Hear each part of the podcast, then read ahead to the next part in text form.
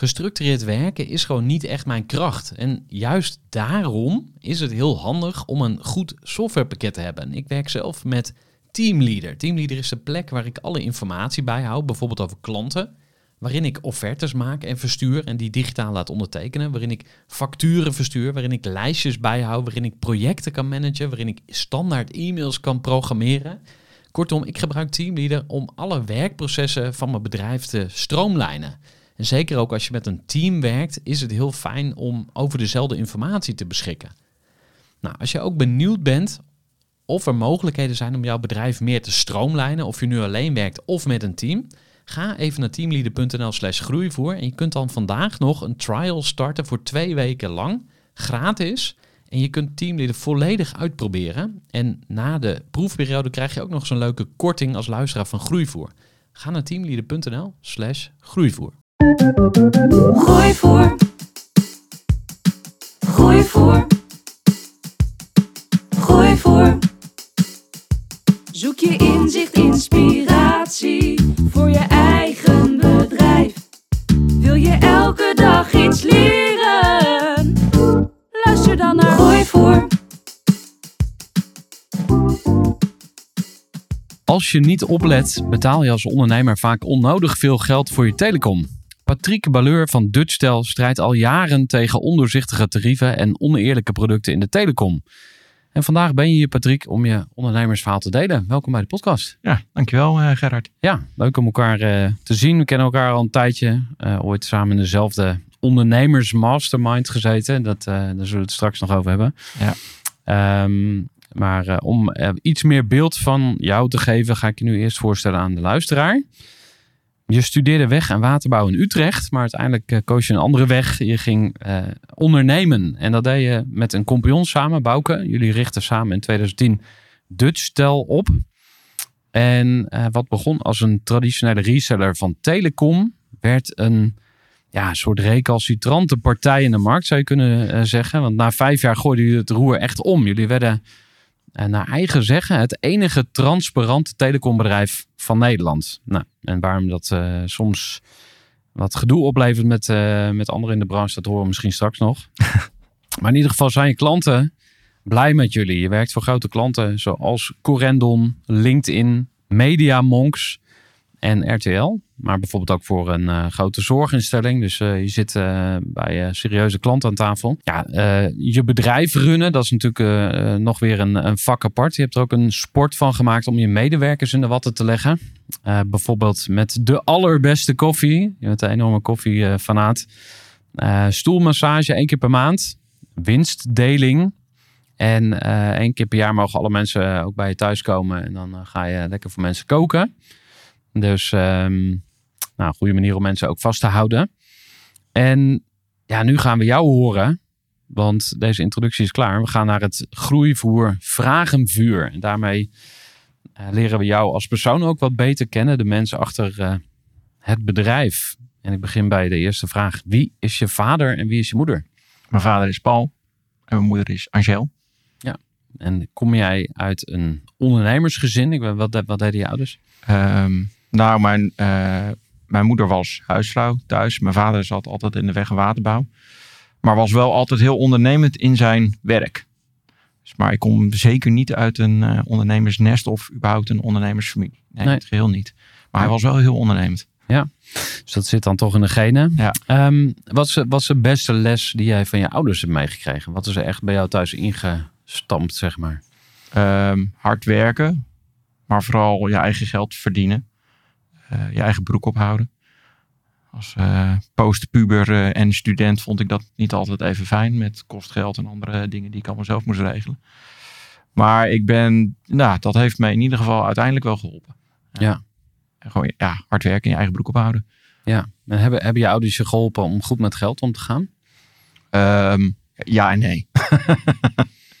ja, ze, um, ze hebben in ieder geval geleerd dat je hard moet werken om gewoon je geld te verdienen. En dat het allemaal niet vanzelf gaat. Um, ja, en ze hebben een paar keuzes gemaakt die ik misschien niet zou maken als ouder. Maar ja. Pik er eens een uit. Welke had jij anders gedaan? Nou, ik, ik heb zelf een soort allergie gekregen voor lenen. En in die tijd was het nog gewoon stufie en lenen en best veel. En kon dat ook al heel makkelijk. En eh, ik zou mijn kind niet willen meegeven dat je heel makkelijk geld kan lenen om te studeren en kosten daarin te voorzien. Ehm, maar goed, met de huidige kamerprijzen snap ik al dat je het eh, met een baantje en studeren ook niet redt. Maar daar zou ik een andere keuze in maken. Ja. ja want ik, maar dat merk ik ook in mijn bedrijf. We, lenen liever niet. Geen vreemd vermogen. Gewoon zelf. Niet afhankelijk van iemand of een bank of dat soort dingen. Dat geeft heel veel vrijheid. Ja, interessant. Ehm, wat is je beste eigenschap en wat is je slechtste volgens jou of voor mensen om je heen? Nou, beste, ik ben best wel volhardend. Kan me ergens echt heel erg mijn tanden inzetten. Ehm, en er echt voor gaan. Als ik iets interessant vind of leuk, of het geeft me energie, dan ga ik daar echt voor duizend procent voor. Dat kan soms ook omslaan in een tikkeltje obsessief. En dan kom je ook gelijk bij weer wat eigenschappen waarvan ik denk, nou ik weet niet of die in het ondernemen of persoonlijk heel handig zijn. Want, uh, hoe, hoe ziet obsessief eruit? Wat, wat doe je dan bijvoorbeeld? Nou, als ik iets wil, dan wil ik het ook echt helemaal doorgronden. Koffie zetten. Als ik dan dat koffie zetten wil leren, hobby, en dat begon al in mijn studententijd, maar dan wil ik het ook echt doorgronden, het snappen, de techniek, de temperaturen, wat heeft invloed. En daar kun je soms in verliezen. En zo kun je ook in ondernemen soms verliezen als je heel erg op microniveau op dingen aan het focussen bent. Ja. Dat je misschien niet je, je beste zelf aan het inzetten bent. Dus, soort, dus, dus het, het is een plus en een min. Ja. Um, ja, wat bij mij gewoon echt een slechte eigenschap is, maar dat weet ik gelukkig wel, uh, is plannen en organiseren. Dat is echt uh, verschrikkelijk voor mij. Maar goed, Ja. Daar zijn gelukkig hulpmiddelen voor en ook gewoon mensen om me heen Ja. die, me de- die daar wel in veel beter in zijn. Dus uh, En je had ook een dingetje met aandacht. Tenminste, je, Ja. je spreekt over, eh, openlijk daarover. Ja, van, ja, ik, ik heb een HD, HD of zo. Hoe, hoe, eh, dat is misschien weer een label, maar ja, ik heb, niet, ik heb niet zo moeite met het label. Eh, diagnose is eh, denk ik een jaar of eh, zes, zeven geleden gesteld, maar ik wist het eigenlijk al heel lang. Ehm, alleen ik begon er wat hinder van te ondervinden. Dus ik had daar gewoon wat educatie nodig. Hoe ga je om met eh, een druk, prikkelbaar en prikkelgevoelig brein? Ehm, dus lezen is bijvoorbeeld erg moeilijk voor mij. Op vakantie hoog in de bergen lukt dat prima met een, eh, een eh, fictieboek. Maar eh, managementboeken lezen, dat is, nee, dat is, dat is niet te doen eigenlijk. Ja. Nee. En dat maakt ook dat plannen en organiseren is, is ook niet heel makkelijk. Dus, dus Ja. verzamel ik gewoon mensen om me heen die daar beter in zijn. Ja. En dan zet ik liever datgene van mezelf in waar ik goed in ben. Plannen en organiseren eh, is dat niet. Nee. ja. En heb je jezelf geaccepteerd? Ja, sterker nog, ik denk dat ik meer voordelen heb aan eh, dat, ik wat, eh, dat, dat ik wat drukker ben en, en nou ja, ook zo'n zo'n focus kan hebben en me ergens in kan vastbijten. Ik zie dat allemaal wel een soort van positieve eigenschappen ervan.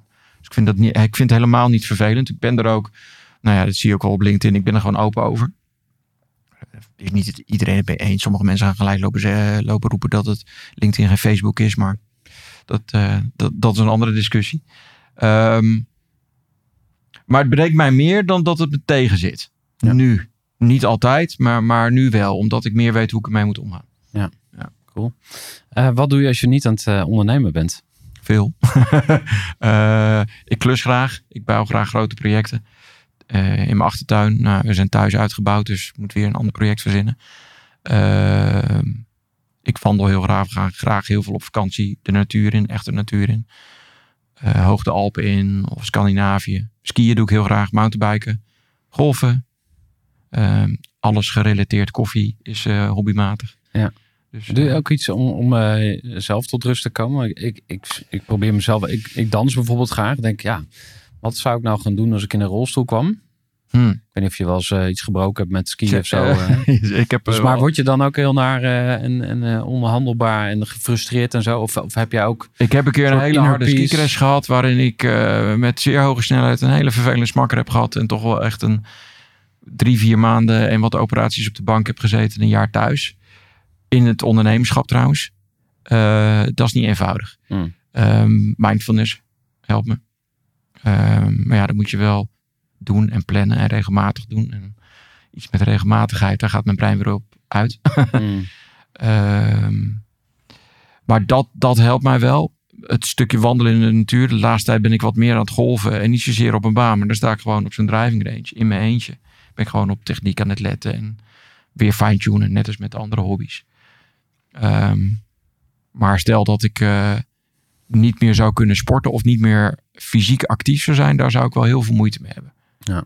Dat zou ik ingewikkeld vinden. En daar zou ik vast wel weer een draai kunnen geven. Maar ja, dan zal het toch wel weer op, op, op mindfulness neerkomen. Dan- Ja. Dan ga je daar waarschijnlijk je- heel goed in worden. Ja, ik weet het. Goed worden. Ik, Ja, het klinkt allemaal als dingen die je heel actief doet, zeg maar. Ja. En terwijl je kan ook, of, nou ja, waar ik zelf mee aan het oefenen ben, is meer loslaten. Dus ja, vanochtend zat ik in de auto hier naartoe en ik wilde nog wat werken en eh, dat lukte niet. En toen dacht ik, ja, ik kan nu heel boos en gefrustreerd worden. Of ik kan gewoon denken, ja, het lukt even niet. Ja, dat, dat lukt me wel wat meer. Maar dat is ook omdat ik me vooral dit jaar heb voorgenomen, eh, aan de hand van een vrij pittige mastermind sessie, dat ik iets meer zelfcompassie mag hebben. Ja. En eh, iets milder mag zijn naar mezelf. En dat lukt wel aardig. Dus als het een dag dan niet lukt, of iets lukt niet omdat je gefrustreerd bent of wat dan ook, nou, misschien moet je het dan gewoon even naast je neerleggen. Dan probeer je het morgen weer.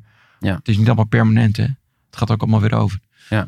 Dus eh, dat lukt wel aardig. Ja. Maar Dat is al de het le- gaat al richting het spirituele ook. eh, van alles komt en alles gaat. Nou ja, ik, ik, ja, dat klopt. Maar ik, ik zie wel dat ehm, het is allemaal pieken en dalen. En, en, en hoe ik naar mijn eigen leven kijk, zijn, zijn het hoge pieken en soms diepe dalen. En als het een hoge piek is, dan weet je, ja, er komt ook vanzelf weer een dal. En aan de andere kant, en dat vind ik altijd wel hoopgevend. ehm, dat heb ik wel echt moeten leren als je in de shitstorm zit. Want ook dat hebben we met Digital echt wel meegemaakt, dat het heel pittig is geweest. Ehm, nu zou ik makkelijker kunnen bedenken en de berusting in kunnen hebben van ja, maar dit gaat ook over. Het komt ook wel weer goed. En als het niet goed komt, dan komt er ook wel weer iets anders. Ja. Het, leven gaat, het, het, het, het leven is niet over, er gaat, gaat misschien iets over. Ja. Dus en nou, ja, hoge pieken, hoge dalen, dat is wel. eh, daar, heb ik wel, daar kan ik nu wat meer berusting in hebben in plaats van vroeger. Want dan kon ik eh, in de piek blijven hangen en eh, het dal kon als een verrassing als een mokerslag in je gezicht komen. Ja. Ja. Interessant. Ehm, ja, ik herinner mij een filmpje van Jim Rohn. Jim Rohn was de, de, de teacher of de, eh, de leraar van, van Tony Robbins, een bekende businesscoach. En die zei ook ja, het leven is gewoon eb en vloed, weet je wel. Ja. En de, de zon gaat op en hij gaat weer onder. Dus die pieken en dalen moet je ook mee dealen. Ja. Maar als je dat dus kan overzien, zoals je even uitzoomt, zeg van oh ja, ik zit nu in een dal. Kan ik, er, kan ik er iets aan doen? Misschien, maar heel veel dingen ook niet. Dus Ja. dat, dat loslaten en berusten en Ja. niet dat krampachtige of zo, dat, dat, is, ehm, eh, dat is denk ik heel waardevol.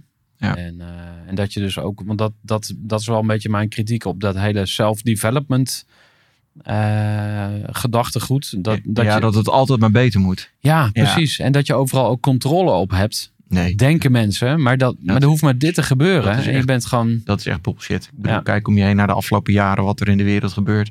Je denkt controle te hebben, maar ja, dat, dat kan toch heel in één keer de hele andere kant op gaan.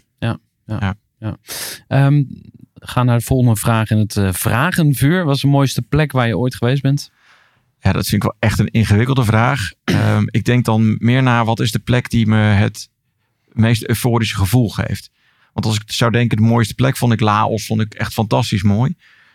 Maar ik word intenser gelukkig als ik ergens hoog in de bergen ben. Met eh, weinig bebouwing, veel gletsjers en alpenweides en ruige pieken. Dus Wallis, het gebied rond de Mont Blanc. Vorig jaar een lange wandeltocht gemaakt om de Mont Blanc heen van negen, wat was het? Zeven dagen. Dat zijn wel de momenten dat ik wel echt intens gelukkig ben. Dus ik denk dat dat dan qua scenery is het al heel mooi, maar qua belevenis is het vooral heel mooi. Dus ja, dat is toch natuur, bergen. Ja. Ja, ja eigenlijk wel de Alpen. Is er iets wat je meer zou willen doen, waar je zelf eigenlijk geen tijd voor gunt? Ik zou mezelf wel wat meer rust willen gunnen. ja. ja, dat ik wat meer rust zou kunnen nemen. Ehm, maar dat lukt vaak niet. En dat lukt wel op vakantie.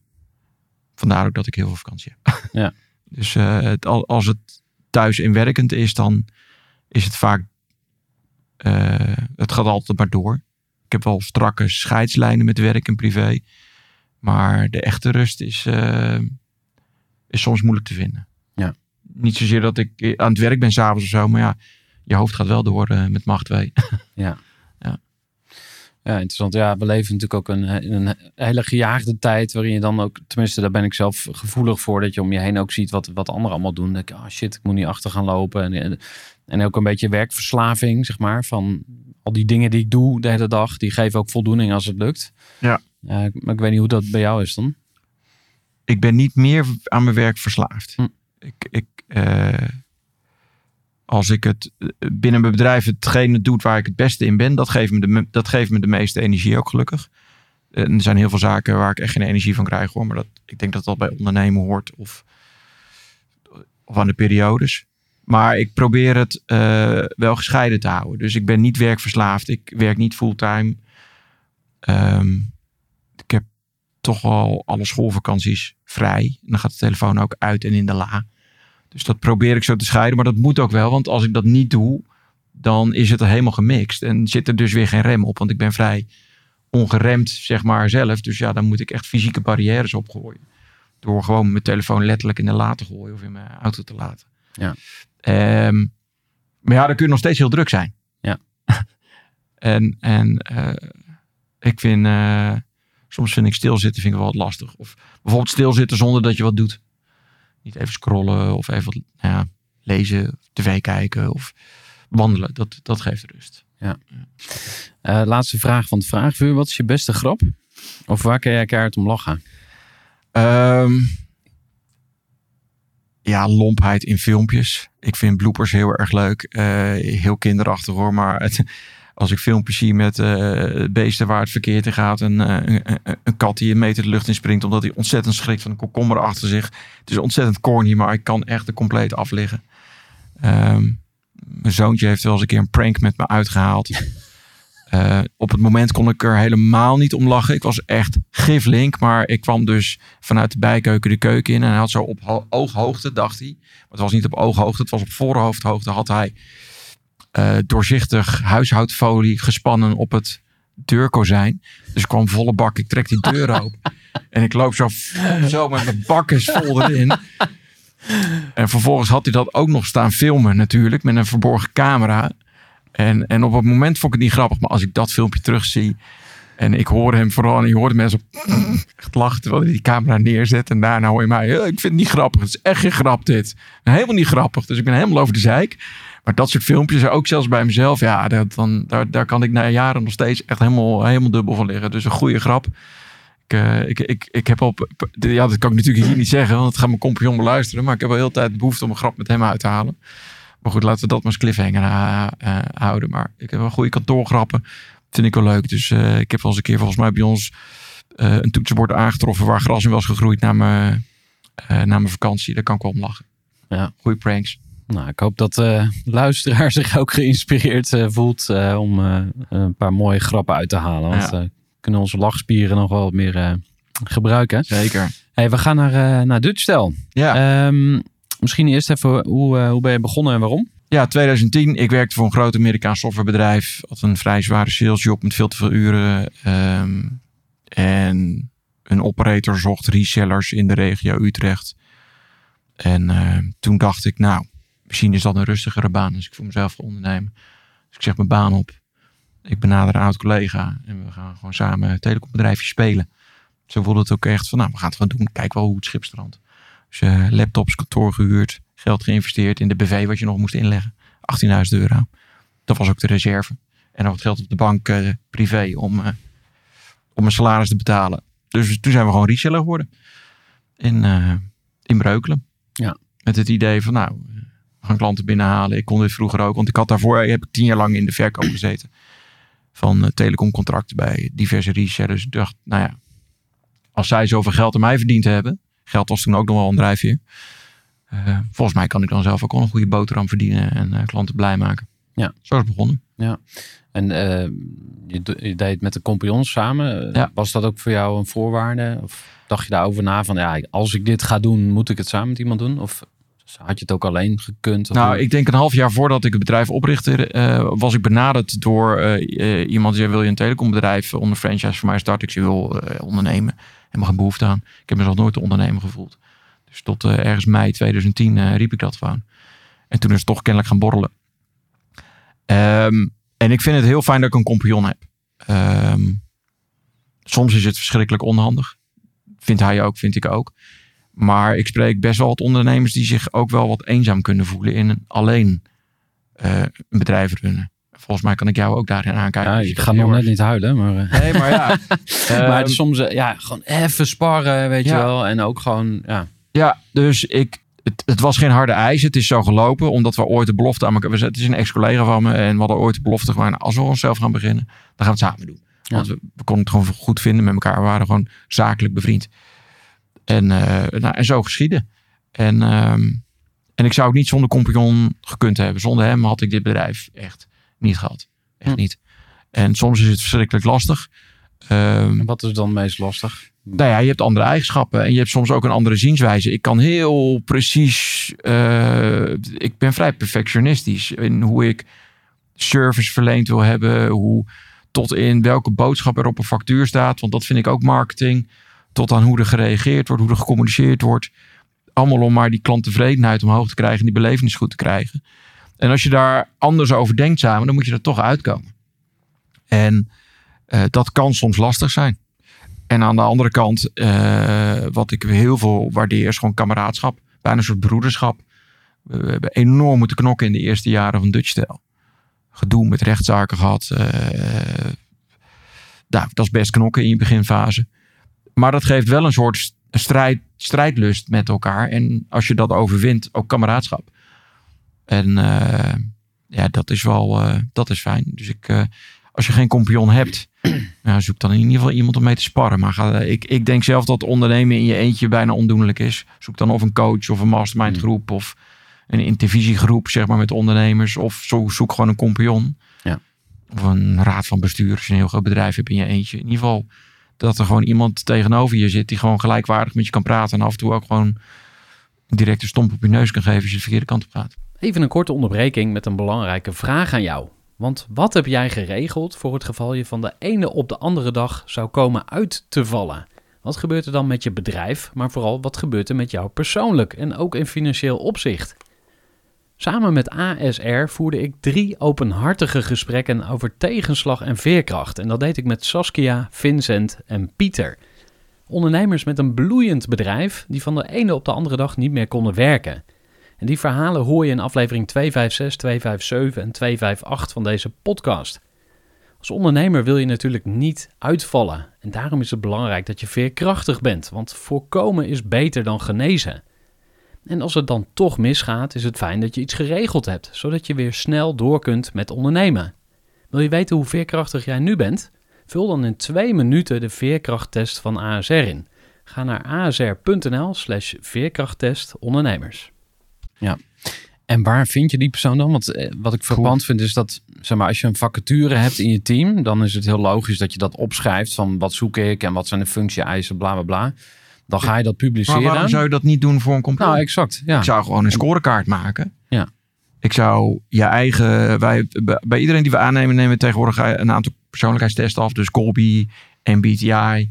Ehm, en daar kun je op matchen. Dus je kan gewoon kijken, wat zijn mijn eigenschappen? Sowieso is dat knetternuttig. Ja. Als je weet wat voor kleur je bent. Of dat je heel goed bent in opvolgwerk. Ik niet. Of heel erg quickstart bent. Dat je iemand zoekt die je daar wat complementair in is. Ja. Dus ik zou gewoon een soort scorekaart maken. En tuurlijk, het is ook, niet, het is ook een wervingsproces. Als je al een bedrijf hebt en je zoekt, zoekt een compagnon, is het wervingsproces volgens mij misschien nog wel belangrijker dan met een, een, eh, een werknemer. ja, zeker. Dus denk ik dat je daar nog veel eh, uitvoeriger eh, mee bezig zou moeten En zijn. waarom zou mensen dat toch niet doen dan? Wat, een compagnon zoeken? Ja, dat Of- gewoon een auto niet open gooien. Is dat dan schaamte of zo? Of ik, ik denk dat is ja, wil ik het nou wel of wil ik het nou niet? Want dan moet ik straks weer allemaal. eh, Nou, misschien omdat het vrij definitief is. Hm. Het is niet dat je eh, eh, ehm, een soort proeftijd van een half jaar kan doen met een compagnon. Nou, weet je, koop gewoon, koop gewoon een aantal aandelen van me. En probeer het een half jaar. En als het niet lukt, dan koop ik ze weer terug of zo. Ja, Dat is een stuk ingewikkelder dan, dan met, met een werknemer. hij zou wel eerst een jaar kunnen gaan samenwerken of zo. Maar ja, dat moet die compagnon die andere kant dan Ja. ook wel net willen. Dus het is complexer. Ja. Denk ik. Ik denk wel dat er een markt is voor een... eh, ik bedoel, er zijn heel veel recruiters actief op LinkedIn. Ja. Ik heb er nog geen eentje gezien die zich focust op het vinden van een compagnon. Dus volgens mij Ja. ligt hier wel een... eh, Ik heb daar zelfs een keer een businessplannetje voor gemaakt. Dat, dat, ik weet niet meer hoe dat heet. Ik dacht meet your co of nee, iets met co-founder of zo. Founder, fix, fix, founder. Nou, iets, het vinden van compagnons. Founder fixers. Ja, en toen eh, kwamen we erop uit van, oh ja, het is een beetje eenmalige business. Dus je zoekt één keer een compagnon voor iemand. En dan eh, daarna niet- heel lang niet, is het niet heel lang meer nodig. Maar het is toch niet heel erg anders dan wat een werving- en selectiepersoon doet? Nee, maar dan moeten wel dus bijvoorbeeld 20k op tafel komen. En daar zeggen dan heel veel mensen van ja, ja moet ik dan 20k? Weet je wel, als je iemand voor een jaarsalaris van een Ja. ton, dan is 20% wer- wervingsfee is normaal. Dus Ja. dan betaal je 20k om zo iemand te vinden. Ja, wat zou dan een, een compagnon eh, mogen kosten?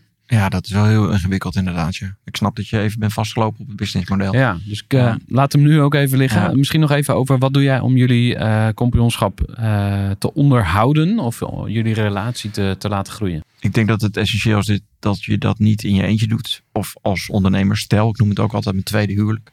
Begin jaren van Dutch was trouwens mijn eerste huwelijk. Omdat ik meer tijd met hem doorbracht dan met mijn vrouw. Ehm, maar we zijn een jaar of vijf, zes geleden. Nou, daarvoor al zijn we aan de gang gegaan met coaching. En met eh, bepaalde bedrijfsgroeiprogramma's. En op een gegeven moment zijn we in een mastermind gestapt. Ehm eh, het mastermind van Taco Oosterkamp. En Heel even kort, wat is een mastermind ook alweer? Ja. Nou, een mastermind is dat je met een groep ondernemers bij elkaar zit. Eh, dat was meestal vier keer per jaar, twee dagen. Ehm, op een eh, fijne en een goede locatie. Want het moet vooral eh, fijn werken zijn. Want het is, het is hard werk. Je begint 's morgens om acht uur. Je gaat gewoon door tot 's avonds. Je zit met z'n allen bij elkaar. En in, je hebt soort hot seats. Waarin je je probleem als een stelling op tafel mag leggen. Daar heb je een paar minuten de tijd voor. Dan krijgt iedereen vijf minuten denktijd. Ehm, en we zaten daar denk ik met een achttal ondernemers. En dan eh, Marleen en Taco erbij als moderator en coach. Ehm, en dan krijg je dus daarna in een soort sneltreinvaart in een half uur tien oplossingen aangedragen of nog wel meer. Waarvan er de helft misschien niet kan, niet waardevol is of geen hout snijdt. Maar er zitten altijd oplossingen tussen waar je niet zelf aan gedacht had. Dus het is een soort denktank voor je eigen problemen. Dat heeft ons heel veel inzichten gebracht. Echt heel veel inzichten. Heeft echt ons bedrijf naar een nieuwe hoogte getild.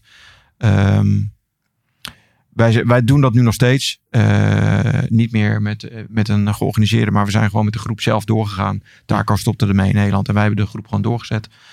En ehm, ja, dat is nu vier keer per jaar zitten we bij elkaar. En hebben we ook nog vier keer per jaar een co-werkdag. Dat is een soort verplichting. Dat doen we dan altijd op een fijne plek. Dus we zitten vaak op de Veluwe in een luxe restaurant, hotel met uitzicht in het bos.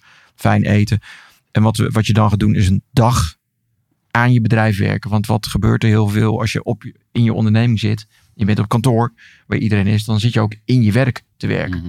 En aan je bedrijf werken is veel moeilijker, maar wel Ja. veel nuttiger. En eh, Zeker ook dat lange termijn perspectief. ja, dat lukt je niet als je in de, in de, de drukke hussel en bussel op je, Ja. op je, op je werkvloer bent. Ja. Dus ehm, dat samenwerken eh, in die mastermind eh, is soms echt schurend en lastig. Want er komen gewoon echt pittige dingen naar voren. In van ja, maar waarom doe je dit werk? Stop er gewoon mee, Patrick. Want hier ben je helemaal niet goed in. Dus dat moet je gewoon maar stoppen. Het is gewoon bullshit dat je dit aan het doen bent.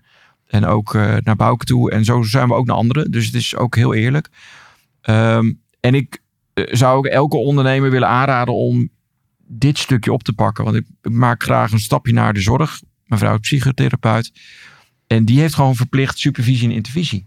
Dus supervisie van een senior die je helpt. En intervisie is dat je met, met je peers uit het vakgebied ehm, gewoon eh, moeilijke casussen op tafel legt. En daar samen over kan nadenken. Ja. En het, nou goed, ik raad elke ondernemer die tegen struggles aanloopt loopt om eens te kijken of er een mastermind groep is. Ja. Er zijn er heel veel. Bij ons komt in januari één plekje vrij voor een ondernemerspaar of voor twee ondernemers. Ja. Dus ehm, Zit daar een verdienmodel op bij jullie of niet? Nee, nee, dit Want is dat vind ik dus irritant. En Nee, dit soort dingen van ja, dan, je mag wel meedoen, maar dan Maar moet je meteen 30k 50. per jaar. Ja, Ja, nee, dit Dus dan is denk niet. je, ja, Ehm, ja. Het is niet gratis. Ehm, want we zitten, nou, we- we zitten altijd wel echt op luxe, luxe plekken. Dus in Zwolle of eh, eh, op de Veluwe. Of je gaat naar een mooi hotel in Amsterdam. Eh, dus het is wel een investering. Nou goed, eh, het, het varieert. We zijn soms, eh, de, de kosten worden gewoon verdeeld. Ja. En over de groep die, de- en ook als je, dus moet je van tevoren, er zit wel harder een commitment aan. Dus die tweedaagse, die mag je eigenlijk gewoon niet missen. Dus een jaar lang van tevoren staan die dagen vast. Die worden afgestemd. Dan moet je er ook zijn. Ja. En je moet niet twee keer niet komen, want dan, ja, dan denk ik wel dat je de groep ook moet verlaten. Ja. Dus het is commitment. Wie is de baas dan van die groep? Het is, niet, het is meer een co- collectieve groep. Ja, precies. Ja. Het, is, het is niet dat iemand het runt. We hebben natuurlijk, eh, ze laten het mij niet plannen en organiseren. Heel gek. Eh, dat, dat doen anderen. Eh, en de, de rollen worden goed verdeeld. En het is ook een, een diverse club van ondernemers. En er zit hier geen verdienmodel aan. Dus het is niet met een business coach die dit als een upsell programma Nee. vanuit LinkedIn heeft verkocht. Het is gewoon ehm, samen eh masterminden en de kosten verdelen. Ja. En, eh, maar er zit wel ook dezelfde selectie aan vast als aan een gewone mastermind. Ja. Dus je kijkt wel weer op, eh, nou ja, bij ons is het, eh, je moet een bedrijf hebben met personeel, een team van mensen, minimaal een miljoen omzet per jaar. Ehm, en nou goed, het stukje commitment, het is niet vrijblijvend, Ja. het is niet gratis. Er zit geen verdienmodel aan, maar het is niet dat het kost je tijd het, Ja. en het kost je geld. Maar het levert echt duizend keer zoveel op.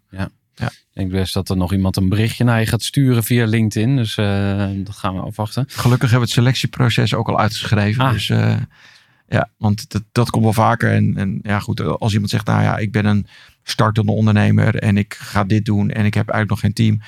Ehm, eh, waar je ook voor wil zorgen. En, en ik denk dat daar ook mastermind clubs voor zijn. Alleen je wil natuurlijk ook zorgen dat het evenre enigszins evenredig dat er gebracht en gehaald kan worden. Ja. Qua input, qua kennis en qua problematiek. We gaan naar eh Dutchstel. Eh, ik vrij uitgebreid stilgestaan bij het compagnonschap, omdat Ja. het denk ik relevant is. Eh, min of meer geïmproviseerd, maar ik denk wel eh, waardevol. Ehm, maar toch even naar, naar Dutchstel. Welk probleem los je op? Voor wie? het inkopen van telecom vind ik bovengemiddeld ingewikkeld voor klanten. Ehm, want het is hartstikke onvergelijkbaar. Ehm, dus een bedrijf kan heel goed een offerte opvragen bij drie providers. Ik noem maar even dan op mobiel bijvoorbeeld KPN, Vodafone en Odido. Die ga je dan vergelijken. Dan maak je een besluit. Zeg, nou, ik kies voor de goedkoopste. Of ik kies voor degene met de meeste waarde. Of de beste eigenschappen. Maar hoe weet je nou als inkoper of als ICT-manager of, of als, als, als ondernemer dat het bod wat je krijgt van, ik noem maar wat, Vodafone, of dat ook een goed bod is? En dat is niet transparant in Nederland. Daar zijn gewoon heel veel rookgordijnen. En wat wij oplossen is dat, nou ja, we hebben zoveel contracten ingekocht, dus dat we heel makkelijk kunnen toetsen. Is het een goed bod, is het een slecht bod en past het bij je bedrijf? Ehm, dus het eerste wat wij oplossen is dat we gewoon het contract voor je inkoop. Nou ja, daarna moet je het ook nog beheren en heb je er gedoe aan en handling. En dat doen we met een serviceorganisatie. En zetten gewoon een schutting neer bij de klant. En dan kunnen, alles, kunnen ze alles overheen kieperen wat maar met telecom te maken heeft. Hm. Maar met name het stukje inkoop en stukje transparantie aanbieden daarin, dat, dat lossen wij op. Ehm, ja, daar zijn we in tweede- 2015 mee begonnen. En eh, je zegt eigenlijk, wij zijn het enige transparante eh, telecombedrijf van Nederland. Eh, Ja. waar, waar zit dat in? Ehm, En Anderen zijn dat dus blijkbaar niet dan of zo. Dus ja, laat ik even vooral uit mezelf spreken. Ja. En eh, in het verleden heb ik wel eens wat lelijke dingen op LinkedIn gezet. En nou, dat werd niet altijd in dank afgenomen. Ehm, maar in 2015 werden wij benaderd door, eh, door RTL. Eh, die belde in. Ik hoor goede verhalen over jullie. Wil je langskomen voor een afspraak? Nou, als je dan net koud vier jaar aan het ondernemen bent, dan sta je wel op de banken te juichen. Dat is een groot bedrijf je belt om langs te komen. Maar die stelde zich wel gelijk voor door, eh, door te zeggen: ja, jullie zijn cowboys en zakkenvullers. En jullie verdienen allemaal te veel geld. Ik vertrouw je bijvoorbeeld niet. Jullie telecombedrijven. Jullie telecombedrijven, ja, jullie resellers, jullie operators. En zei, ik heb het idee dat ik veel te veel betaal. Maar als je het oplost, dan heb je een klant voor het leven. En dat was zeg maar echt zijn introductie voordat hij zichzelf voorstelde met zijn voor- en achternaam. Ja. Dus die was vrij gefrustreerd. Ehm, en hij had ook gelijk. Want dat was ook hoe het ging en hoe het hier en daar nog steeds wel gaat. Dus toen hebben wij samen met RTL een model verzonnen waarin ze gingen betalen voor de dienstverlening op telecom. En dat is niet zo gebruikelijk in Nederland. Want het verdienmodel is dat een reseller of een direct sales of operator werkt op basis van commissie. Je krijgt gewoon een percentage van de omzet en dat is je verdienmodel. En wij hebben toen besloten, nou, we gooien dat om. Je betaalt voor de service, je betaalt voor de dienstverlening. Ehm, ik ga het inkopen en de vergelijken voor je maken. En elke cent commissie, bonus, eh, vergoeding of alles wat eraan vasthangt, ehm, dat storten we transparant één op één terug. En als je de boeken wil inzien, met de commissie overzichten van de operators, dan mag dat ook. Dus als je dat vergelijkt met bijvoorbeeld de hypotheek- en verzekeringsbranche, is dat op een gegeven moment in Nederland bij wet geregeld. Ja. Eh, in de telecom is dat niet zo en al helemaal niet in de, in de B2B. Ehm, dus toen wij dat zijn gaan doen, ja, die claim van het transparantste telecombedrijf van Nederland, of eigenlijk het enige en het eerste transparante telecombedrijf van Nederland, nog- steeds trouwens, wat me verbaast. Ehm, die zijn pas twee jaar later gaan voeren. Want we hebben getest met RTL, werkt dit? Levert het geld op? Want je moet uiteindelijk als onderneming wel gewoon ook geld verdienen. En is de klant blij? Nou ja, dat laatste was het geval en het eerste ook. En toen zijn we gewoon, hebben we eigenlijk besluit genomen, nou, alle grote klanten bij ons gaan intern over op dit model. Hey, en eh, voor die tijd ging er dan een factuur van, weet ik veel, een T-Mobile of zo naar eh, RTL? Of eh, ik weet niet wie Ja, to- ja. toen de provider was. Nou, de, eh, Vodafone was de provider en eh, ze werden bediend door een reseller. En ehm, toen ik de analyse maakte, en dat was toen nog gewoon met draaitabellen, call detail records. Dus de gespreksgegevens inladen, met een draaitabel doorrekenen naar de andere providers. Ehm, uiteindelijk in het eerste contract al gingen ze, nou ik denk van 4,5 naar 3 ton. Inclusief mijn dienstverlening. Ja, dus de kosten gingen omlaag van 4,5 naar, van 4 naar 3,5 ton. Van 4,5 naar 3 ton, ja. Ja, En per, mijn dien- per jaar. ja, oké. En daar zat mijn dienstverlening bij in. Dus eh, dan kan je wel invullen hoeveel commissie of hoeveel bonus of omzetdeling eh er naar de reseller ging. Ja. En eh, dat is gewoon het model wat al 20 jaar, 25 jaar geleverd wordt in Nederland. Maar dat is wel het model. Gaat gewoon een percentage van de factuur gaat naar de reseller of gaat naar een accountteam van direct sales van operators. Dat, Ja. is, het- dat is het verdienmodel. En dat is wat wij teruggeven. Ehm, toen ben je daarna andere klanten gaan aanhaken. Hoe, hoe werd er gereageerd? Vertrouwden ze je meteen? Of zeiden ze nog steeds van, oh ja, die, Ja, jij bent toch stiekem een van die cowboys? Want eh, ja, Nou, ik ben er wel van overtuigd dat als je dit doet, dan moet je het 100% transparant doen. Je kan dit niet een beetje, je kan niet zeggen, nou weet je, ik geef je 20% eh, van, je omzet, geef ik je terug. Maar ik krijg eigenlijk 30%, ik hou 10% achter. Ehm, ik, Maar er zit misschien ook, vind ik interessant, want eh, we hadden het eerder over wie jij bent als persoon. Jij gaat gewoon echt all in als je ergens voor Ja. gaat, zeg maar. Dus hier heb je ook gekozen van, ik ga radicaal. ja, maar ik denk ook, ik denk ook niet dat het anders kan. Ja. Want dan ben je het niet en dan ben je alsnog geen haar beter en dan probeer je het wel te verkopen. Ja. Maar ik denk echt dat je het inderdaad radicaal anders moet doen. Ja. Door het echt te zeggen, nee, we geven alles terug. En dat werkt zelfs collectief. Op een gegeven moment is, nou, vorig jaar bij, eh, bij een provider kregen we een bepaalde omzetdeling. Ehm, en Macro is vorig jaar klant bij ons geworden. Ehm, waardoor de omzetdeling omhoog ga- ging. En ik uiteindelijk ook mijn andere klanten heb kunnen benaderen. Nou, eh, beste eh Viacom. Ik eh, maak nog 25.000 euro extra over dit jaar. Ja. Want we zijn gestegen in ons bonusmodel bij de operator. Ja. Dus dan krijg je een soort collectief, collectiviteitswerking. En dat, vinden, en dat vinden klanten ook heel interessant. Eh, maar, je vraagt, hoe gingen ze in het begin mee om? Het is, ehm, voor de bestaande klanten was het niet zo moeilijk om uit te leggen. Want ik ben, wel, ik ben data nerd. Dus ik werk het uit in Excel. Dus ik zeg, nou, dit is wat je nu betaalt bij KPN. En ik hercalculeer die factuur van 12 maanden gewoon door naar Vodafone en naar eh Odido. En, en daar komt dan mijn dienstverlening bij en de commissie eraf. En dan krijg je gewoon een model. Dit is wat je uiteindelijk zou kunnen betalen bij A, B en C. Met de verschillende eh, mogelijkheden. Dus omdat je het zo analytisch en in data brengt, eh, komt dat wel over. Het is moeilijker om het over te brengen bij nieuwe klanten. Omdat het een model is wat ze niet gewend zijn. Ja. Ehm, het is niet moeilijk over te brengen als ik aan tafel zit. Want dan krijg ik het goed uitgelegd met voorbeelden en met eh, gewoon financiële rapporten. Maar online het uitleggen is ingewikkeld. Ja. Dat, om, omdat het, het bestaat niet, het model. Eh, dus ja, soms kan je... Ik je voor- en je nadeel. eh, nou ja, je, ik kan me voorstellen dat je denkt, ja, dat is leuk. dus dit is too good to be true. Ik geloof er helemaal niks van. Ja. Dit is een mooi marketingverhaaltje. Dus Nou, ik zie dat moment waarop jij dus eh, achter je internetbankieren zit en die 25k moet terugstorten. En dan zou ik echt denken, ah, shit. geen moeite. Ik hou het liever in de zak, maar daar, daar zou je bij wijze van spreken een filmpje van moeten maken. Dat je dat gewoon ziet, dat dat echt gebeurt. nou, ja, het- Eh, wat, wat helpt is dat wij de commissies meteen apart zetten. Dus Hm. ik onderneem er ook niet mee. Nee. En dat scheelt ook. Dus ik zie het ook niet als mijn geld. Nee. Ik zie het als geld wat toekomt aan de klanten. Dat, in het begin hadden we er een stichting voor. Maar dat werd qua regel, om het echt transparant te houden, hadden we een stichting. Dat stelt dat er wat gebeurt met Dutchstel. Dat de klantengelden in ieder geval nog veilig staan. Ja. Dat werd door regelgeving werd dat te ingewikkeld. Dus nu staat het toch gewoon op een aparte spaarrekening. En eh, dat is echt voor de klanten. Ja. Dus ik heb daar wat minder moeite mee. Ehm, want aan de andere kant, die klanten, die blijven wel allemaal klanten en betalen mij maandelijks dienstverlening. Ja. We zitten nu in jaar acht dat RTL klant is. En we hebben de afgelopen jaren van alle inkoop- en beheerklanten, want zo heet de dienstverlening, zijn we twee klanten kwijtgeraakt. Ja. Dus in die end ehm, heb ik nu een bedrijf kunnen bouwen wat niet heel hard op sales hoeft te groeien. Want aan de achterkant zit de deur gewoon dicht. Ja. Omdat, je, omdat je daar zo transparant over bent. Ik heb, nee, ik heb daar geen moeite mee om extra geld over te maken. Eigenlijk niet. Nee. Maar dat is, dan denk ik ook... Het, je zei net over radicaal, maar dat soort dingen zijn... Bij mij moet met heel veel dingen, ook persoonlijk, moet de knop om. Ja. Dus, dus werk en privé, om daar weer op, terug te komen. Radicaal moest de knop om, dus ik nam een tweede telefoon. Ik ging het echt volledig scheiden. Ja. LinkedIn op de ene en Instagram op de andere. Ja. De een was aan of de ander was uit. Ja. En dat is met dit ook. Het is gewoon, het, het kan maar op één manier. Dus als een klant bij ons de inkoop- en beheerklant is, ja, dan gaat alles naar de klant toe.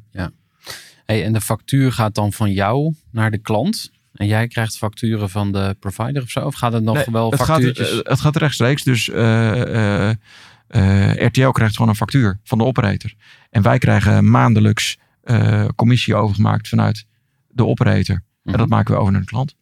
Oké. Dus wij zijn geen. ik koop het niet in. Nee. Omdat. Ja. Dan zou je moeten binden aan één operator. En dat geeft me te weinig vrijheid. Want soms is Vodafone beter voor de klant. Soms is KPN beter voor de klant. En soms is Odido beter voor de klant. Ja. En als ik, als ik het zeg maar als een soort hele grote collectieve groep zou inkopen. Dan zou me dat eh, binden. Ja. En dat zou ik niet willen. Ja. Ik zou die vrijheid willen houden. Misschien komt straks eh, Elon Musk wel met een nieuw mobiel eh, netwerk vanuit de ruimte. Ja, want hoe, hoe blijf je op de hoogte, zeg maar? De, de- ga je ook naar alle exotische aanbieders van... oh, we hebben nu op de Maagdeneilanden, de Virgin Islands... hebben een nieuwe operator ontdekt. Die is nog goedkoper. Dus ga, hoe proactief ga je, zeg maar, voor je klanten op jacht? Of is dat een Eh, beetje... nou, in Nederland is het een stuk overzichtelijker geworden. Mhm. Niet per se beter, denk ik, voor de consument of de klant. Want we zijn van, denk ik, 180 operators. Aha. Virtuele operators. Ik bedoel, de ANWB ja, had een operator. eh, Hema was een operator. Albert Heijn was een operator. Zij, is dat enorm teruggebracht naar drie netwerken. KPN, Vodafone en Odido. En er hangen een aantal merkjes onder. Dus in Nederland valt het mee. Ehm, we doen dit ook internationaal. En dat is soms wel wat ingewikkelder. Dan, ja, dan moet ik in Letland gaan onderzoeken welke operators er Ja. zijn. Heb jij klanten over de grens ook? Of, eh? Ja. Ja, dus voor, voor Mediamonks doen we het in een aantal landen. Sky, Ja. Showtime leveren nu. Die zijn vorig jaar gaan uitrollen met een streamingdienst, net als Netflix. Hm. Eh, die leveren nu in zeven landen. Kopen wij hun telecom in en we leveren het eh, aan ze uit. Dus als ze een kantoor uitrollen, dan zorgen wij dat het personeel dat is aangenomen krijgt een iPhone met een hoesje en een simkaart erin wat we hebben ingekocht in het lokale land. Ja. Dat is soms wel wat ingewikkeld, maar ja, niemand doet dat in Nederland. Ja, tenzij je 50.000 simkaarten hebt, dan kun je altijd terecht voor internationaal. Maar voor kleinere bedrijven die ook presence hebben buiten Nederland, is dat moeilijk. Ehm, en ja, de tarieven, en dat is denk ik, als je dan hebt over valkuilen bij klanten. ehm, de operators die veranderen elke half jaar de tarieven, geven weer nieuwe opties. En dat doen ze dan meestal met een nieuw abonnement, zodat ze bestaande klanten niet op het, eh, in de prijs hoeven te verlagen. Dat is natuurlijk een heel slim trucje. Als je een nieuw abonnement introduceert in de markt, wat naast je huidige abonnement komt, dan hoef je bestaande klanten niet te verlagen, maar kun je wel je nieuwe klanten acquireren op het voordeligere prijsmodel. Ja. En daar zit best wel veel werk in, in dat bijhouden. Gelukkig hebben we wel software waarin, eh, waarin dat doorgerekend wordt. Dus op het moment dat er een nieuw eh abonnementstructuur komt, Odido heeft er recentelijk eentje eh, geïntroduceerd. Nou, dan gaat dat model in en dan kan ik het tweede abonnement ook doorrekenen ten opzichte van het eerste abonnement. Ja. En kan ik tegen mijn klant zeggen, nou, dit is waar je nu op zit, maar dit abonnement zou beter kunnen zijn, of juist niet. Hm. Dat is wat die klant ook van me verwacht. Maar zijn die grote spelers bewust, zeg maar, al die rookgordijnen aan het aanleggen? Ehm, ik denk wel dat er een bepaalde verkoopstrategie is. Mhm. ik, eh, het, het is opvallend dat er best wel veel verschillende zakelijke abonnementen zijn bij alle providers. Ja. Ik denk dat elke provider minimaal vier, vijf soorten proposities heeft. En daar dan ook weer allerlei varianten in. Ja, daar kom je tot. Dus als je al die variabelen in een tabelletje gaat zetten, dan kom je echt tot honderden combinaties waarvan jij als klant moet gaan bedenken wat Ja. nou het beste is. Dat is niet te doen. Dus ik denk, ja, ik denk dat daar wel wat ehm, beleid in zit. Ja. ja dat, dat, dat denk ik wel. Ja. Wat doe je voor de kleine ondernemer? Want je noemde wat grote namen. Dat, dat back to plekken natuurlijk. En, Ja. en dat is ook gewoon, dat zijn gewoon ook je klanten. Maar stel ik heb vijf mee. ik- Bij Eager People, hè, mijn uitzendbureau, hebben we vijf abonnementen. Nou, eh, loont het dan de moeite om, om jou even te bellen? Of is dat eigenlijk te klein? We hebben best wel nog een flinke groep met eh, klanten die onder de 100 medewerkers of 100 simkaarten zitten. Klein of MKB, 100. zeg maar. hè. Ja. Ja, wat is klein? Maar. Eh, dat hele inkoop en beheer, dat zijn we nu een beetje naar beneden aan het trekken. Dat, de- ik dacht, dit willen alleen grote bedrijven. Maar er zijn ook kleine bedrijven die zeggen, nou, ik wil ook wel meeliften op zo'n collectief voordeel. Ja. Ehm, ehm, ik heb een accountmanager, die is daar heel veel mee bezig. En ehm, die klanten vinden het vooral fijn dat we zeggen, nou, je contract is voorbij en eh, je kan het verlengen. En volgens mij zijn dit betere voorwaarden. Dat is wat kleinschalig, want je hebt niet een... De dienstverlening is niet helemaal vergelijkbaar, omdat je... ehm, je hebt niet heel veel beheer aan doorbelasting en kostenbewaking. En wie gaat buiten zijn bundel. En die ene gozer in Dubai die 40.000 euro aan het verstoken is. Waar we iets mee moeten. Dat beheer is veel minder. Dus uiteindelijk als je gaat kijken naar het aantal klanten, Die zijn ontzettend trouw. We hebben klanten eh, echt nog van 13 jaar geleden. Die nog steeds klant bij ons zijn. Dus Ja. ja, die zijn wel welkom bij ons. Ehm, wat we vaak doen is zeggen. Nou ja, laat je telecomfactuur zien. Dan gaan we kijken of je het slimmer kan doen. Ja. En eh, dan, ik zit zelf met het idee nu te spelen om tegen die kleinere klanten ook te zeggen, nou en dit is wat wij eraan verdienen. Omdat ik het lastiger vind om daar een model aan te hangen aan een aan Eager People zou ik te zeggen, nou je betaalt dit per medewerker per maand. Daar doe ik alles voor. Ehm, omdat het minder arbeidsintensief is voor ons ook, weet ik niet of die, die prijs kan rechtvaardigen. Mhm. En aan de andere kant, eh, je kan zo'n klant wel laten meeliften op een stukje collectief voordeel. Dus als je zegt, nou weet je, ik zou je gewoon allemaal onbeperkte abonnementen eh, adviseren. Maar op het moment dat je het bij ons afsluit, dan krijg je gewoon standaard 20% bij wijze van spreken of 50% op, je, op de beste internetprijs die je kan vinden. Dan kan je meeliften op een stukje vo- voordeel vanuit het collectief. Ja. Ik ben er nog wel wat zoekend in. Ja. Dus, de, dus we Maar zijn... het verdient eigenlijk een aparte propositie misschien wel eh, voor Ja. kleinere ondernemers. Want er luisteren natuurlijk naar deze podcast ook ondernemers die misschien in een eentje zijn. Of die, eh, weet ik veel, tien mensen in dienst hebben. Nou, ik vind 50 echt al wel weer een Dus andere, andere league, zeg maar. level. Ja. ja. Uiteindelijk geven we al die klanten altijd wel een paar tips. Zet nooit je har- hardware in een of ander abonnement. Want daar betaal je altijd een klein stukje rente op. Betaal dat ding gewoon en trek het af van je winst. Of voer het op zijn kosten. En als je naar je abonnement kijkt, kijkt gewoon een paar maanden hoeveel data je verbruikt. En wat je verbelt. En eh, hoe veilig het is op het moment dat je op vakantie gaat. Ehm, het is ook, voor de wat kleinere partijen is het ook niet zo ingewikkeld. En ehm, kijk, de deur staat bij ons altijd open, ook voor kleine partijen. Ik bedoel, we hebben letterlijk een keer een, een, keer een meneer gehad die zei: Ja, ik, ik, ik heb een probleem met mijn smartphone. Een wat oudere meneer, kan je me helpen? Want ja, we hebben geen winkel. Maar ja, Die kwam langs die op kantoor. letterlijk langs om zijn iPad en simkaart te activeren die hij Ja. ergens anders had gekocht. Nou, daar hebben we mee geholpen. Toen kwam die maand later kwam hij terug met een doos Argentijnse wijn. Want hij was naar Argentinië geweest met zijn vrouw. Die was heel blij. En oh ja, kan je niet ook iets doen voor mevrouw? Want die heeft wel een bedrijf. Ja. En ehm, nou, die bleek een wat groter bedrijf te hebben. En uiteindelijk is, weet je, en, en die heeft gezegd, nou, je doet zo goed werk. Dus eh, volgens mij kun je dit daar ook doen. Dus de deur staat wat dat betreft altijd open. En eh, wil je een keer advies over, joh, doe ik dit goed? Ja, klopt dan aan. Ja. Het is niet dat we er een focus op hebben. Helder. Ehm, we gaan eh, naar de groeidilemma's. En ik ga jou een aantal dilemma's voorleggen. En je moet kiezen. En nuanceren mag achteraf. Oké, Ik ben goed in geld verdienen of ik kan nog wel wat leren over geld. Ik ben goed in geld verdienen. Elke dag een beetje beter worden of tevreden zijn met wie je bent. Elke dag een beetje beter. Ik kan goed delegeren of ik doe het liever zelf. Ah, ingewikkeld. ik moet kiezen, hè. Ehm, ik kan goed delegeren. Oké. Ik wil graag aardig gevonden worden of een stevig gesprek is voor mij geen probleem.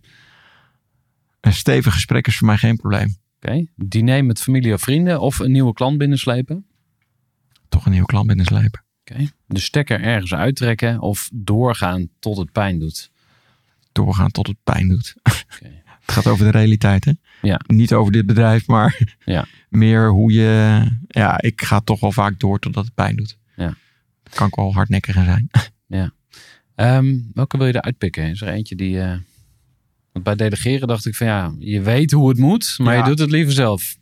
Nou, of nee, eh, ben je er toch echt wel in gegroeid? Nee, ik ben er wel echt ingegroeid in het delegeren. Ik deed vroeger deed ik echt heel veel zelf. Ehm, en een hele nuttige les die ik heb geleerd is... reken eens uit wat je bijdrage is in het bedrijf. In omzet, in winst, in kosten. En, en deel dat dus door je aantal werkzame uren. Ehm, en dan kom je tot een uurtarief. En dan kom je in één keer tot inzicht... oh, maar misschien moet ik dit werk gewoon delegeren. Of Aha. uitbesteden. Dus wat kost jij per uur? Je gaat dus feitelijk uitrekenen wat jij kost als Ja. ondernemer? Ja. Aha. Dus als je een, een, een, een bedrijf hebt met een miljoen omzet, dan kan dat best in de.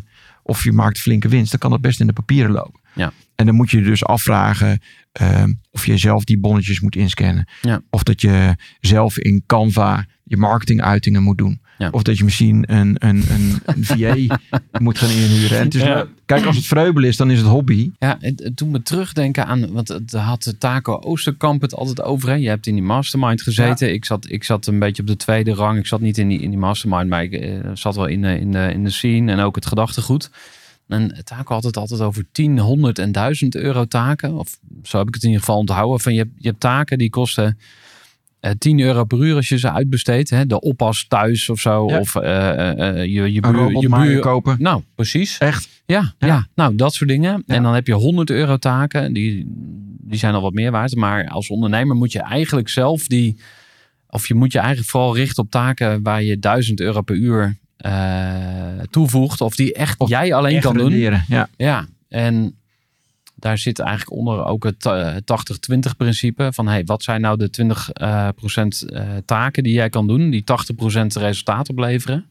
Of als je nog verder inzoomt, welke 5 procent van de taken binnen je bedrijf kan jij alleen doen, waarmee je de, misschien wel nou, veel groter deel van de waarde levert? Nou, er, Dus Ik- maar ik- hoe, doe jij dat? Even gewoon dat. nou, en dat zit ook nog in energie, vind ik hoor. Dus niet alleen op het geldvlak. Oké. Ehm, maar als ik bij een, een prospect of bij een bedrijf aan tafel zit ehm, en ik haal zo'n klant binnen die voor de komende acht jaar omzet gaat binnenbrengen voor duizenden euro's per maand, dan levert dat veel meer op dan dat ik in die ochtend besluit mijn hele LinkedIn profiel te herschrijven. Wat ik dan liever doe is, ik, ik dicteer een stukje richting AI. Dan zeg ik, maak er wat begrijpelijke taal van. Dan stuur ik het naar mijn team van VA's. Ik heb een paar VA's die veel marketingwerk voor me uit handen nemen. En die werken dat uit. Dus als ik dan ondertussen naar die klant kan, Ja. ehm, dan heb, vind ik dat ik dat slim heb uit, uitbesteed. En dat zit hem niet alleen in geld, maar ook in bijvoorbeeld waar je niet goed in bent. Ik zei al dat ik slecht ben in plannen en in structuur. En terwijl het regelmatig posten op LinkedIn is voor zowel het logaritme als voor je eh, brand awareness best wel belangrijk. Ja.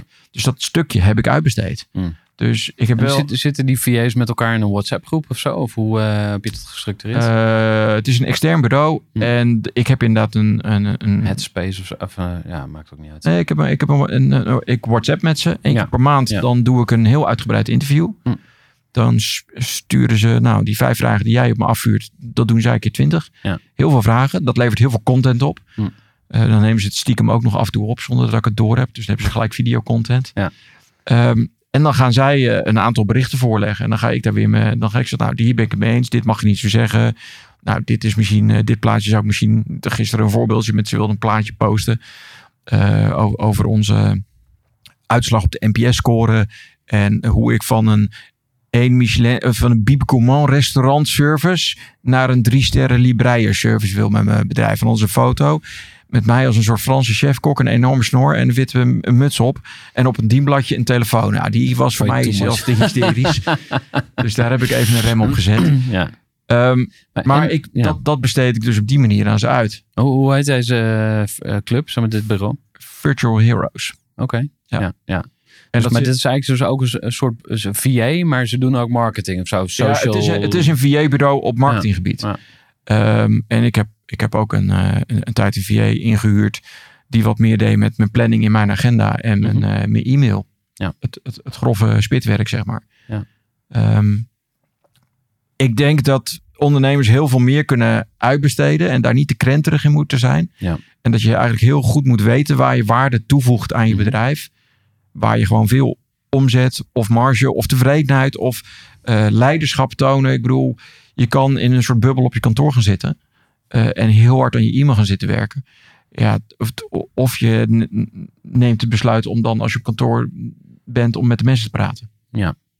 Ik merk dat ik toch eh, vaak ook weer eh, terugval, zeg maar. Dus ik heb eh, periodes gehad waarin ik heel veel delegeerde. Waarin ik ook gewoon structureel Zeker. een, een eh, personal of een virtual, virtual assistant had eh, voor 10 uur per week. Dat kostte 2.500 per maand of zo. Ja. En nu ben ik weer een klein beetje terug bij af. En dan, ook, dan open ik mijn mail en dan ga ik bij de oudste Ja. onderaan beginnen. En dan ga ik één voor één al die shit, zitten, al die taakjes zitten afronden. Ja, heel Maar nu, nu komt de, ja, maar nu, nu komt de vraag aan jou. Van, mijn beeld is dat jij, ook al kopen jullie heel scherp in, met je echt wel een heel gezond verdienmodel hebt met Dutchstel. Ja. Dus jij kan het leiden, zeg maar. Jij kan het betalen. Ja. Wat is nou je tip voor ondernemers die zeggen van ja, ik heb eigenlijk niet zoveel eh, budget om een, of ik heb geen budget om een PA of een VA in te huren. Ja, nou, maar dan, dan moet je... Überhaupt- verhaal misschien, maar Nee, maar dan moet je wel naar je businessmodel kijken. Uiteindelijk Aha. moet je geld verdienen. Je moet geld hoe, verdienen. hoeveel is dan, wat vind jij dan bijvoorbeeld een gezonde marge? Want iemand kan zeggen, ja, ik draai eh, 2,5% eh, netto winst. Ik, ik verdien toch geld?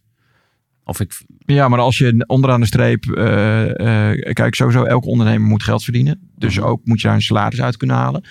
En dan moet je ook nog geld overhouden om te investeren. En ehm, als je nu in je huidige verdienmodel niet genoeg verdient om een VA in te huren... dan zou ik heel erg focus hebben over hoe verdien ik mijn geld...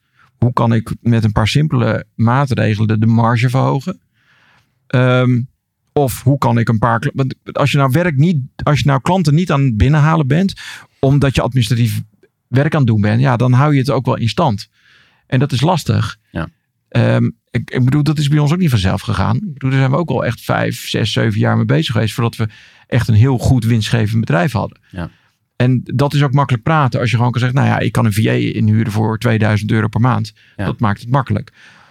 Maar ik denk dat het is wel precies het, het kip en het ei. Je moet wel geld verdienen. En als je niet het geld hebt om dingen uit te besteden, dan is volgens mij prioriteit één is meer geld verdienen. Ja. En daar de focus op hebben. Eh, we hadden het over delegeren. Ja. Eh, de vraag was, eh, als je meer je wil goed? delegeren, ja, eh, ja, de vraag is ook, ben je er goed in? Maar ik Nou ja, zat vooral dit- te zoeken van, hoe, hoe kan je het betalen? Dus je zegt, dan kijk naar je verdienmodel. Da- daar moet je beginnen. Als je niks kan delegeren, dan ga je eerst geld verdienen. En dan, en dat, dan heb je de basis. Ja, of eh, delegeren kan dan ook zijn dat je sommige dingen gewoon schrapt. Hè? Sommige dingen Hm. zijn ook gewoon niet nodig. Goeie, ja. om, sommige dingen zijn niet nodig om te doen. Ja. En aan de andere kant, wij kunnen soms ook zo met, met, met cijfers bezig zijn. Dat we zeggen, nou laten we eens kijken wat we allemaal voor abonnementen in dit bedrijf hebben. Ik bedoel, dat loopt natuurlijk ook gierend aan te klauwen op een gegeven moment. Hè? Met software hier, pakket, software daar, pakket, een of ander Ja. marketingmodel. Dan ben ik ook nog een keer Black Friday gevoelig als dan dan weer een of ander nutteloos marketing software pakket van 10.000 euro voor 250 euro wordt verkocht, weet je wel. Ja.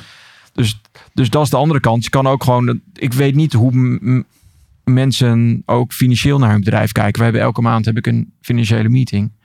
Waarin we per maand eh, de omzet, de winst en de afwijkingen zoeken. Ja. De afwijkingen in waar wordt minder verdiend of wordt meer verdiend. Of meer geld aan uitgegeven. En hoe komt dat dan? Ja. Ook zelfs dat we tot op, eh, we, we, we verkopen gewoon hardware. En als ik in één keer een dip zie in de marge op, op eh, hardware. Dan moeten we gaan onderzoeken hoe dat komt. Ja. Dus dat heb ik wel ook echt geleerd. Dat deden we vroeger helemaal niet. Kreeg, kreeg je bij wijze van spreken één keer eh, aan het eind van het jaar wat er onder, aan de streep over was. verdiend, gefeliciteerd. En eh, ja, En nu bekijken wij dat per maand. Ja. En de ambitie is dat elke maand moet winstgevend zijn. Ja. ja. En dat geeft ook wel weer focus. Dat je soms denkt, ja, maar nu moet ik gewoon even stoppen met marketing. En meer aan de slag met gewoon verkopen en bij klanten zitten. Wat mijn rol is. Ja. Onder andere. We gaan eh, richting een afronding, eh, Patrick, want we zitten goed eh, over het uur. En dat gaan we doen met één of twee van jouw beste lessen. En dat mag een levensles zijn uit jouw onpeilbaar diepe levenservaring. Maar ook gewoon een ondernemersles. Het mag iets heel algemeens of, of iets heel praktisch zijn. Maar wat, wat, is nou iets wat jij mee wil geven? Eén of twee dingen waarvan Nou, je zegt, ik- ik denk dat. ik denk dat elke ondernemer heeft eigenlijk ook wel een goede balans nodig. En het is heel vaak sprinten en hollen. Ehm, maar je kan niet een marathon op sprinttempo rennen. Ehm, dus ik ben de laatste jaren veel bezig geweest met werk-privé balans. En ehm, daar heb ik, dat, dat zou ik als les willen meegeven. Heb daar focus op. Dus als je een onderneming hebt waar je alleen maar aan het rennen bent en je doet dat vijf jaar lang, niemand houdt dat vol. En ik heb niet per se de oplossing, want dat, dat kan aan zoveel zaken liggen. Maar ehm, ren jezelf niet voorbij. Dus dat vind ik er één. Ehm, dus, dus werk-privé-balans. En ja, wij proberen dat tot in de extreem ook door te voeren naar alle collega's. Als je op vakantie bent, dan ben je vrij. En dan ben je niet bereikbaar voor werk. Wat ook betekent dat je je werk heel goed moet organiseren. Hè? Dat is de andere kant van de medaille. Het klinkt super makkelijk, maar dat is verschrikkelijk ingewikkeld. Dus dat. Ehm, en nou, ik heb zelf veel aan praten met ondernemers die verder zijn of meer hebben meegemaakt of meer senior zijn. En um, ik, ik zei al, ik ben niet van het lezen van boeken, maar ik haal wel heel veel kennis uit het praten met andere ondernemers. Uh, en dat kunnen zowel jonge startende zijn als mensen die al twee keer zeer succesvol bedrijf hebben verkocht. En hoe fijn is het om gewoon een keer de tijd te nemen en te zeggen: hey, ik heb even input van je nodig. Mag ik even twee uur een boswandeling met je maken? Ja. Dus uh, verzamel mensen om je heen op wie je kan leunen, op waar je kennis en hulp vandaan kan halen. Dit is misschien ook wel mijn tip voor mensen die geen compagnon hebben. Als je geen compagnon hebt, dan wil het niet zeggen dat je geen hulp kan vragen aan mensen om je heen of ondernemers om je heen. Um, dus dat vind ik ook een. Uh, dat zijn denk ik al echt zeg maar op ondernemerniveau. Zou ik die twee tips wel mee willen geven. Dankjewel. Ja. Gooi voor.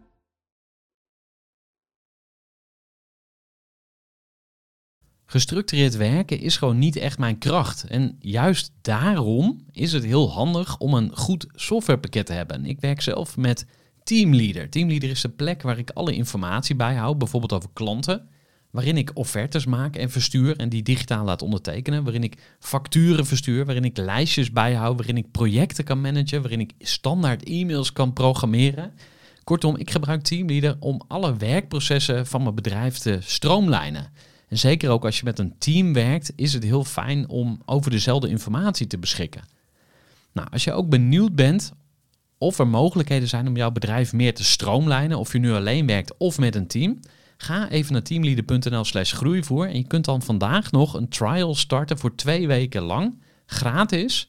En je kunt Teamleader volledig uitproberen. En na de proefperiode krijg je ook nog zo'n leuke korting als luisteraar van Groeivoer. Ga naar teamleader.nl slash groeivoer.